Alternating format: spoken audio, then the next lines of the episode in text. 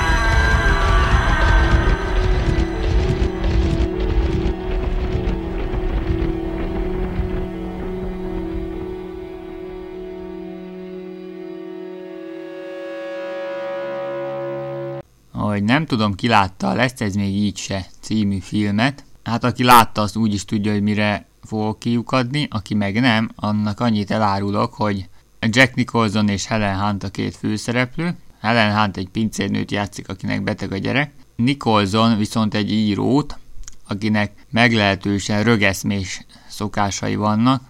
Sőt, tovább megyek, annyira durva, hogy ezek már nem is szokások, hanem inkább egy kényszer mozgások, vagy hát nem tudom pontosan, hogy is hívják ezeket, de már szóval kezelésre szorulna, az biztos. Csak egyetlen egy példa, hazamegy, ajtózárási rituálé, és amikor bemegy a fürdőszobába kézmosásnál, elővesz egy vadonatúj szappant, megmossa vele a kezét, és kidobja. Szóval ennyire durva a fickó.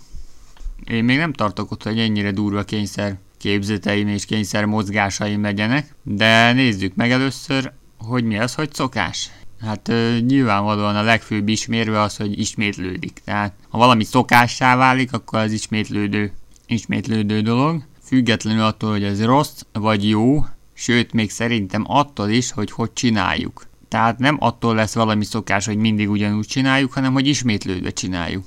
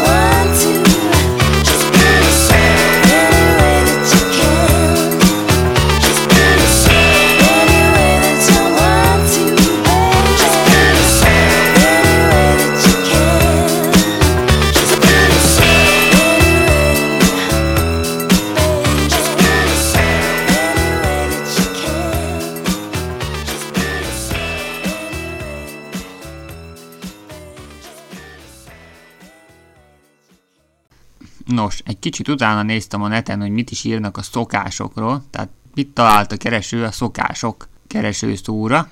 Mindjárt felolvasom azt a pár kis szövegrészletet, amit így pár perc alatt fontosnak találtam, és számomra is jelent valamit. Na, azt írja. Hát csak pár mondat az egész, ennyit szót árasztam ki így magamnak. A szükségletek idővel megrögzött szokásokká válhatnak. Tehát nyilván, hogy a szokás alapja valami olyan, amire szüksége van az embernek. Na ezt majd mindjárt kifejtem, de itt van a másik. A szokások fontos építőkövei a személyiségünknek, meghatároznak és jellemeznek minket. A jó szokások segítik az életünket, kapcsolatainkat, egyfajta biztonságot adnak nekünk és másoknak is, mivel általuk kiismerhetőek és kiszámíthatóak vagyunk. Ez mondjuk szerintem hülyeség.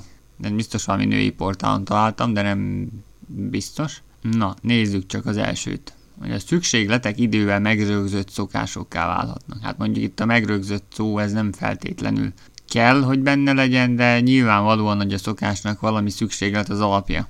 Például nekem volt egy olyan, illetve nem feltétlenül egy szükséglet az alapja, de egy szükséglet válhat szokássá. Nekem például, amikor Pesten laktam Koleszban, én mindig szerettem megvenni a Tenisz magazin legfrissebb számát. A praktikumból indultam ki, tehát úgy volt, hogy az Árpád hídra érkezett a busz, és ott volt egy ilyen kis fabódega, amit azóta már lecseréltek szerintem, mármint újságos, és ahogy jöttem fel a metróból, egyenes oda laktam, megvettem a teniszmagazint, illetve megkérdeztem, hogy van-e, mert nem mindig néztem utána, hogy mikor jelenik meg, és a hölgy, középkorú hölgy volt ott, mindig mondta, hogy nincs, ha esetleg nem volt, vagy akkor adott, és akkor én azt megvettem, de ez, ez így hónapokon keresztül ment, sőt szerintem lehet, hogy még éveken keresztül is, és annyira szokásommá vált ez a dolog, hogy volt egyszer egy olyan, hogy még nem tartottam a lépcső tetején, tehát még nem értem föl, hanem csak így félig meddig valamennyire biztos észrevette a hölgy, mert már úgy kilátszottam a metró kiáratból, és már integetett, hogy nincs. Tehát, tehát ebből is látszik, hogy a szokások nem feltétlenül rosszak. Igaz, mondjuk ennél az esetnél nem feltétlenül jók is, tehát így nem lehet megállapítani ezt ilyen nagyon egyszerűen, ebben az esetben legalábbis szerintem nem. Viszont nem volt annyira kényszeres ez az újságvétel, tehát nem éreztem magam rosszul, vagy nem tudom, nem estem kétségbe, esetleg nem volt, vagy kicsit, vagy akkor a következő héten majd megveszem, tehát ennyire még nem volt kényszeres. Lássuk csak a másik idézett részt. A szokások fontos építőkövei a személyiségünknek. Hát am- amennyiben nem meghatároznak minket igazából, hanem lehet következtetni a szokásainkból a személyiségünkre inkább szerintem, mint hogy nem meghatároznak, hanem inkább jellemeznek. Például ebből a szokásomból, hogy, hogy én mindig megvettem a tenisz magazint, nyilván az derült ki, hogy én szeretem a teniszt. Hát inkább csak nézem, mert így nem sikerült még megtanulnom teniszezni, de nem ez a lényeg, hanem hogy szeretem a teniszt. És nem csak a női teniszt szeretem nézni, hanem a férfi teniszt is. Tehát nem, nem a csajok miatt nézem, hanem a játék miatt. Jó, nem hátrány, hogyha szép nők játszanak, de nem feltétel. Na de ne kanyarodjunk el a szokásoktól. Azt mondja, hogy személyiségünk építőkövei. Ezt mondja ő a szokásokról. Hát szerintem jó, az én személyiségem alapja mondjuk egy csomó gátlás, meg félelem, meg mondjuk némi humor. Tehát így ebből táplálkozik. És a szokások, hát mondjuk úgy, hogy, hogy inkább egy ilyen keretet adnak. Egyfajta biztonságot adnak nekünk, azt mondja a, izé, az idézet. Hát igen.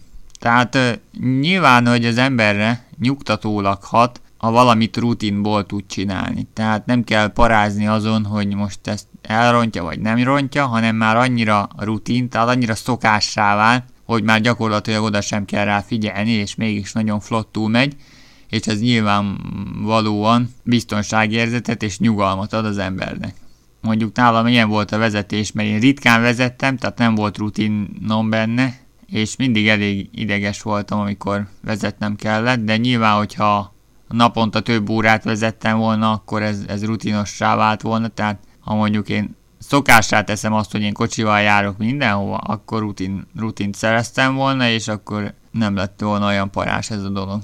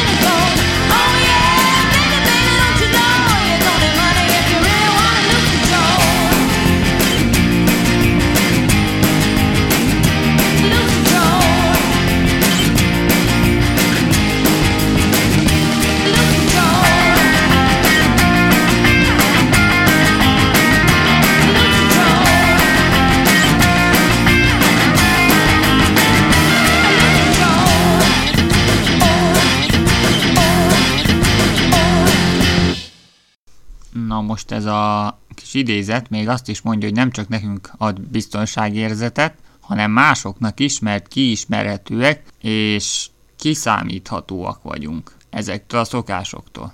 De az élet nem egy kémfilm, ahol figyelni kell arra, hogy nem mindig ugyanazon az útvonalon menjünk, mert akkor a rossz fiúk egyszer csak betuszkolnak egy fekete furgonba, és már el is vagyunk rabolva.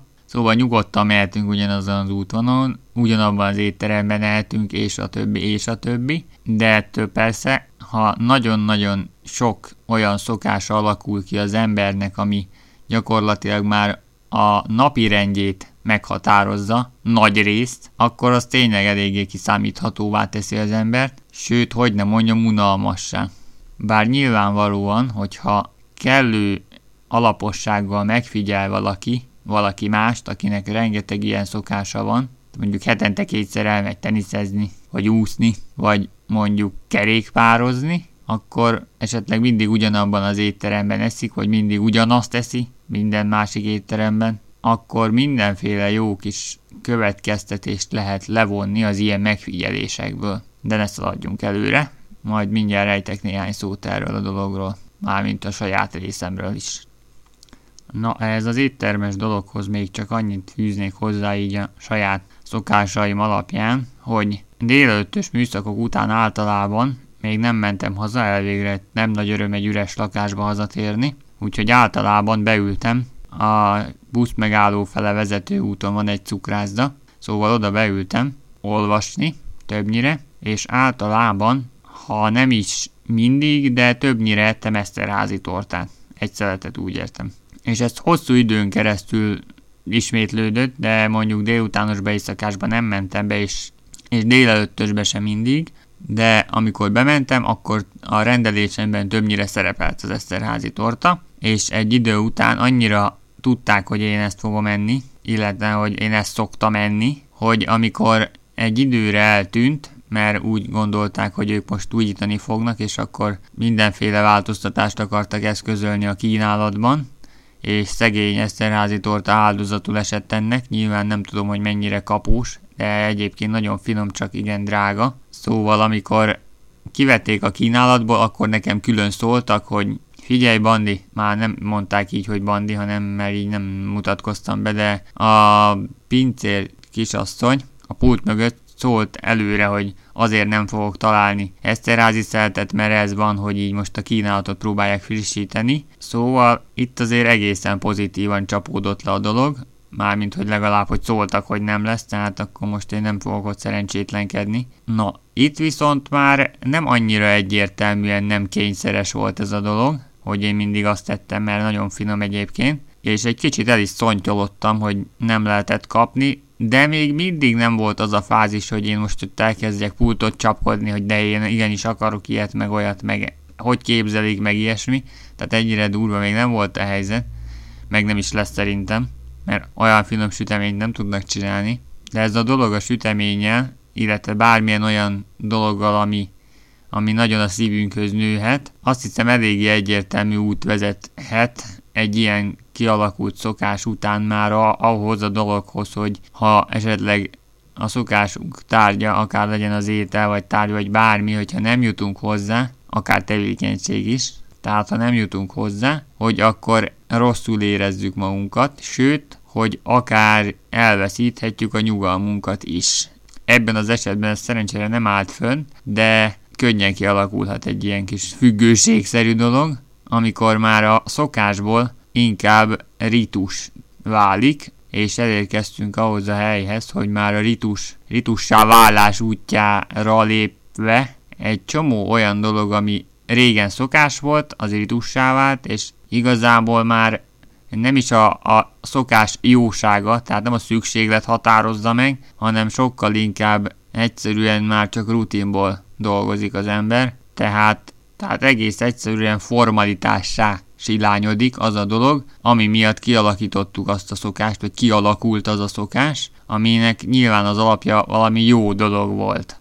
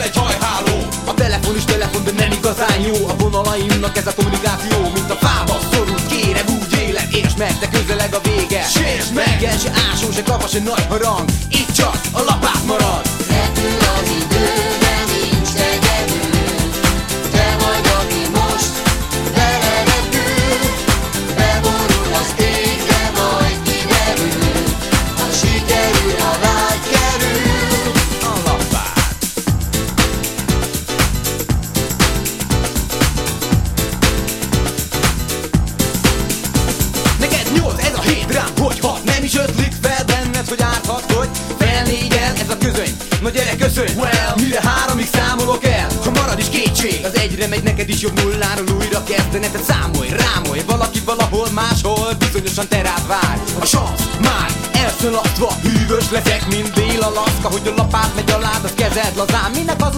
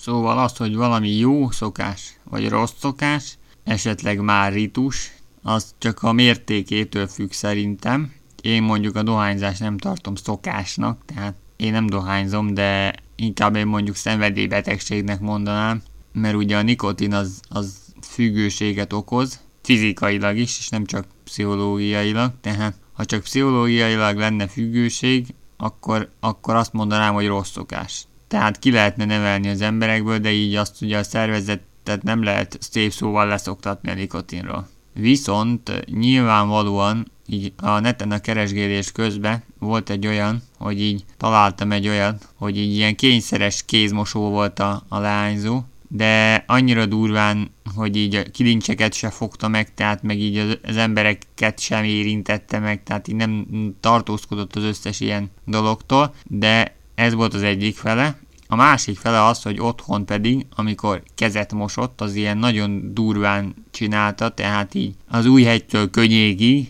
és így négyszer-ötször beszappanozva, és aztán kezet mosva, és akkor ezt ismételgette még egymás után jó néhányszor, tehát ez már egy kicsit túllép azon, hogy így pisilés után kezet mosunk, hanem ez már ilyen nagyon durván kényszeres, mert mondjuk így a, a WC-zés utáni kézmosás az hasznos, tehát így ebből a tekintetből ez a szokás, ez jó, de ha így, így ilyen brutális túllendülés következik be, tehát az ilyen bakterofób emberkék azok annyira, annyira túl tudják spilázni magukat ebbe a tekintetbe, hogy az már igencsak rögeszmésé válik, és akkor ez már nem csak rossz szokás, illetve hát lehet, hogy eleinte annak indult, de ez inkább most már rögeszme, tehát sokkal inkább kezelésre szorul, mint ahogy ez a leányzó is éppen egy orvosi váróban ült már, és arra várt, hogy újabb adag gyógyszert és egy kicsi terápiát kapjon. Tehát bármiből lehet rossz szokás. No, első körben akkor nézzük meg szerintem a jó szokásokat. Mert nyilvánvalóan, hogy a szokások eleinte, szerintem eleinte minden szokás jó, de legalább és hasznos. Én mondjuk személy szerint eléggé nem csak hogy trehány, de feledékeny is vagyok, tehát ez a legrosszabb kombináció, mert szerte szanaszét hagyom a cuccaimat a lakásban, de még ráadásul nem is emlékszem, hogy hol. Mert mondjuk, ha trehány lennék, de viszont emlékeznék, hogy hol hagytam, akkor egyszerű dolgom lenne. Nem lenne rend, de mindig tudnám, hogy mi hol van. Mondjuk régebben erre kialakítottam egy olyan rendszert, hogy amikor még a másik lakásban laktunk, és a hugi elköltözött, akkor én egyedül laktam, és két ágy volt a szobámba, és így a, azokat a cuccokat, amiket éppen nem használtam, átdobtam a másik ágyra. Tehát eh, így mindig tudtam, hogy az ágyon van a cucc, csak éppenséggel lassan már egy méteres kupac volt ott mindenféle dolgokból, főleg könyvek voltak ott, és annak ellenére, hogy tudtam, hogy hol van, legalább egy kicsivel hamarabb találtam csak meg, mert ugye elő kellett bányászni. Tehát itt azt a szokást alakítottam ki, hogy a másik ágyra tettem, tehát a memória a romlásom ellen azzal dolgoztam, hogy kialakítottam egy olyan szokást, hogy a másik ágyra dobálom a cuccokat. Persze nem volt túlzottan praktikus, de végül is tudtam, hogy hol kell keresnem, és már ez is, ez is nagy segítség volt. Tehát a mostani helyen is egyébként egy csomó olyan dolgot alakítottam ki magamnak szokás gyanánt, hogy mindig tudjam, hogy hol van. Tehát nem kell emlékeznem rá, ha tudom, hogy mindig ugyanoda teszem. Jó, így ez most elég hülyén hangzik, de például a lakáskulcsot mindig zsebre vágtam, ha hazajöttem.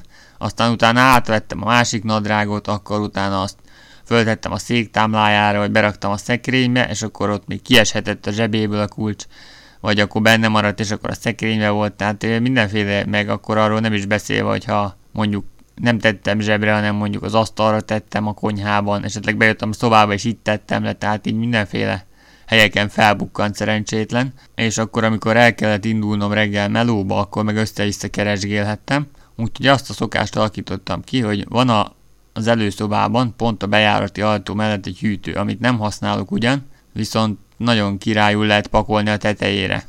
Többek között a lakáskulcsot is, meg a beérkező számlákat is, mármint a csekkeket. A másik oldalán az ajtónak meg oda raktam egy kis széket, oda meg azok a számlák kerülnek, amik esedékesek éppenséggel. Szóval kialakítottam azt a szokást, hogy a lakáskulcsot mindig ennek a hűtőnek a tetejére rakom, és akkor befele jövet ott lerakom a kulcsot, és akkor amikor megyek el, csak fölkapom, bezárom az ajtót, és hús, már otthon se vagyok. Tehát nem kell keresgélnem a kulcsot, mert tudom, hogy mindig oda tettem. Sőt, egy idő után már nem is kell tudnom, hogy oda tettem, mert egész egyszerűen nem kell gondolkodnom rajta, hogy hol a kulcs, hanem annyira automatizmussá válik ez a dolog, hogy kifele menet, egész egyszerűen fölkapom a kulcsot onnan, és már megyek is. Tehát eh, semmi gondolkodást nem igényel, hanem teljesen automatikusan működik. Na már most egy olyan embernek, aki nem emlékszik semmire, jó, ez most egy kicsit durva volt, hogy így semmire, de, de nagyon lukas az agyam ebben a tekintetben. Tehát e, nem, kell rendet raknom, mert befele jövet automatiza ott rakom le. Kifele menet pedig fölveszem. Tehát semmilyen gondolkodást nem igényel. Egy csomó ilyen, ilyen dolgot alakítottam ki egyébként.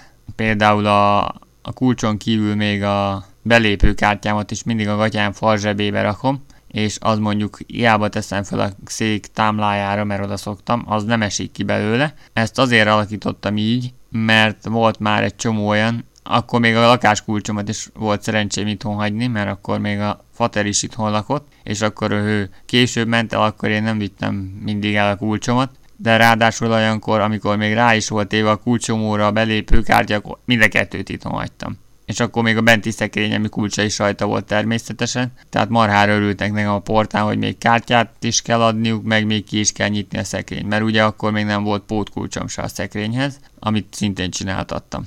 No de az a lényeg, hogy ne hagyjam itthon a kártyát, mindig a gatyám fal zsebébe teszem bele. Annak a nadrágnak a zsebébe, amit hordani fogok aznap.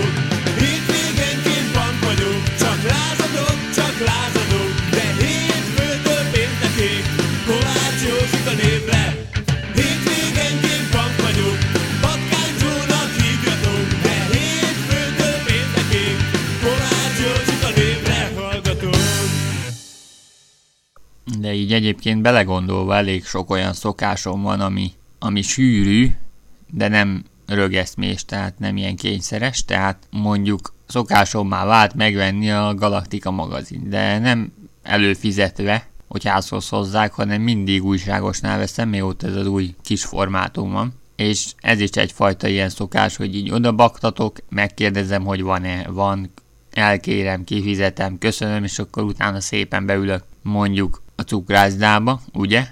Elolvasok egy pár cikket belőle, aztán vagy elmegyek bevásárolni, vagy hazamegyek, és akkor a buszon még mindig olvasok. De most így a cukrászda mellett a kínai büfé is játszik. Nem sokkal azután, azt hiszem talán három vagy négy nappal utána, hogy megnyitották, bementem. Természetesen ex-kollégina volt a pult mögött, de ez mondjuk nem annyira számít. Csak így fura volt, mert ő is, meg a, a másik pultos csajszi is dolgozott nálunk, ráadásul a hátam mögött, amikor éppen egyedül mentem be, az asztalnál két mostani kolléga ült, úgyhogy ez elég érdekes volt. De a lényeg, hogy így a, a kínaiba járásom, az is hosszas ilyen próbálgatásokkal működött csak, tehát így a mostani dolog, hogy én bemegyek és hagymás csirkét eszem egy kis adag rizssel, az így elég commerce-nek tűnhet, de mire kialakítottam ezt a szokást, azért az eléggé sok próbálgatásba volt, tehát én ettem hozzá rizstésztát, meg valami bambuszos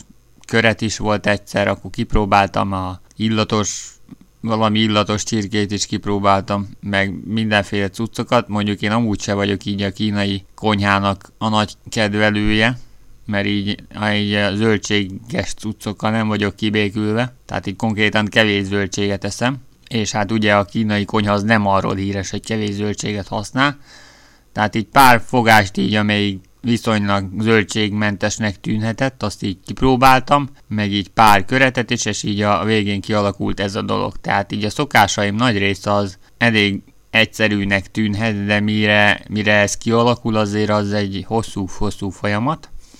Pont így volt a, a munkába a vivendő kaja, illetve pia mennyiségekkel is, mert így mindenféle kísérletezések során alakult ki a mostani. Mondjuk ez is elég egyszerű, tehát a 10 percesben megeszek egyszer vajas kenyeret, vagy esetleg két pogácsát. Ez attól függ, hogy mit vettem, illetve mit nem előző nap. Hozzá egy darab ilyen kis üveges sárgarépa lé. És akkor utána jön azt, hogy a két szünet között a fél időben megiszok egy energiaitalt, aztán jön a 20 perces kajaszünet, ahol leülök olvasni, megeszem a maradék kaját, meg viszek fél liter üdítőt, és akkor ez kialakul, nem is tudom már szerintem több mint egy éve, vagy lehet, hogy már kettő is van. Sőt, hát a franc tudja. Lehet, hogy még régebben. Na de az a lényeg, hogy mindenféle piákat, meg mindenféle kaja mennyiséget, meg mindenféle kaja típusokat kipróbáltam, és ez, ez jött így be, hogy ez így praktikus, elfér a táskámba, és mégse halok éhen teljesen. Bár mondjuk most az energiaitalat azt leváltottam, mondjuk előtte meg kóla volt, azt azért váltottam le, mert kilukasztotta a fogam. Most meg így, hát nem tudom, hogy van-e köze a mostani ilyen keringési zavarokhoz, de, de néha így elég érdekes dolgok tudnak történni. No, de maradjunk a szokásoknál. Come here, baby. You know you drive me up a wall the way you make good for the nasty tricks you pull. Seems like we're making up more than we're making love. And it always seems you got something on your mind other than me. Girl, you got to change your crazy ways. You hear me? Say you're leaving on a 7:30 train and that you're heading out to Hollywood. Girl, you've been giving me line so many times it kinda gets like feeling bad.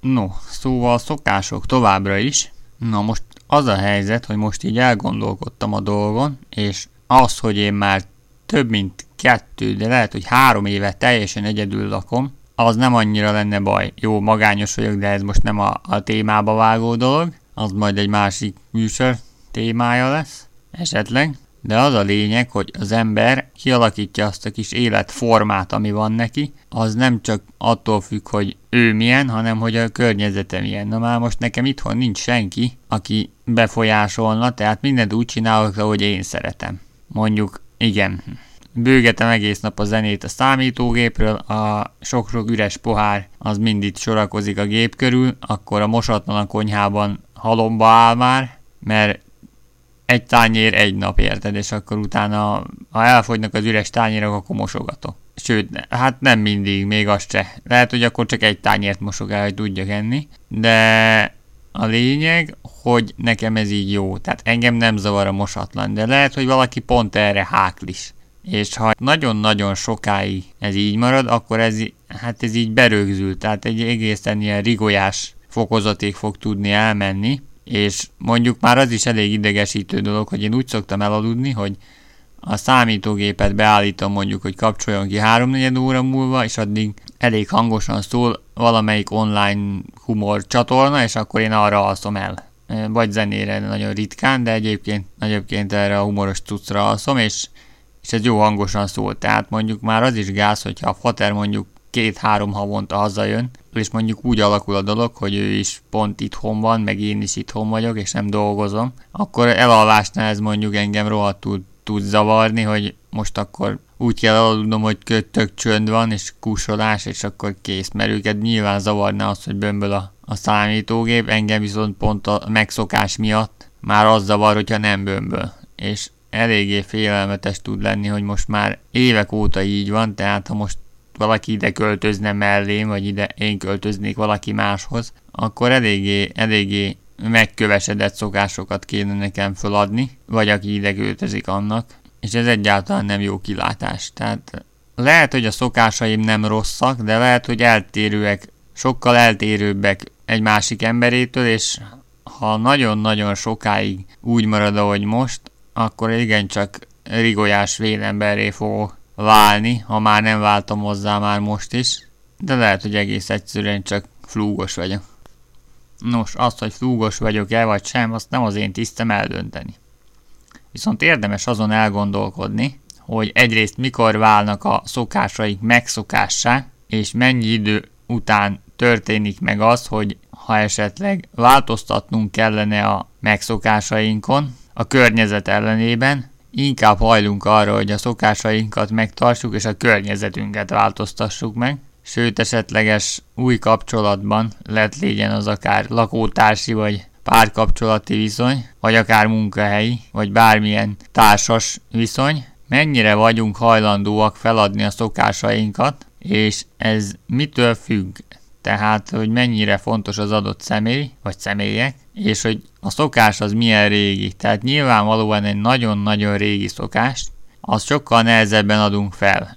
Bár mondjuk nálam, ha egészen jó észérveket tudnak felhozni, vagy esetleg az adott tevékenységre, amit én már megszokásból csinálok, egy sokkal praktikusabb, vagy sokkal jobb, kényelmesebb megoldást tudnak javasolni, akkor én hajlamos vagyok viszonylag könnyen föladni, de ez alaposok kell. Bár mondjuk szerintem nyilván vannak olyan emberek, akik sokkal inkább hajlanak arra, hogy miután már nem is tudom, tehát ha évek óta így csinálja ezt a dolgot, akkor nyilván ez így jó, ahogy van.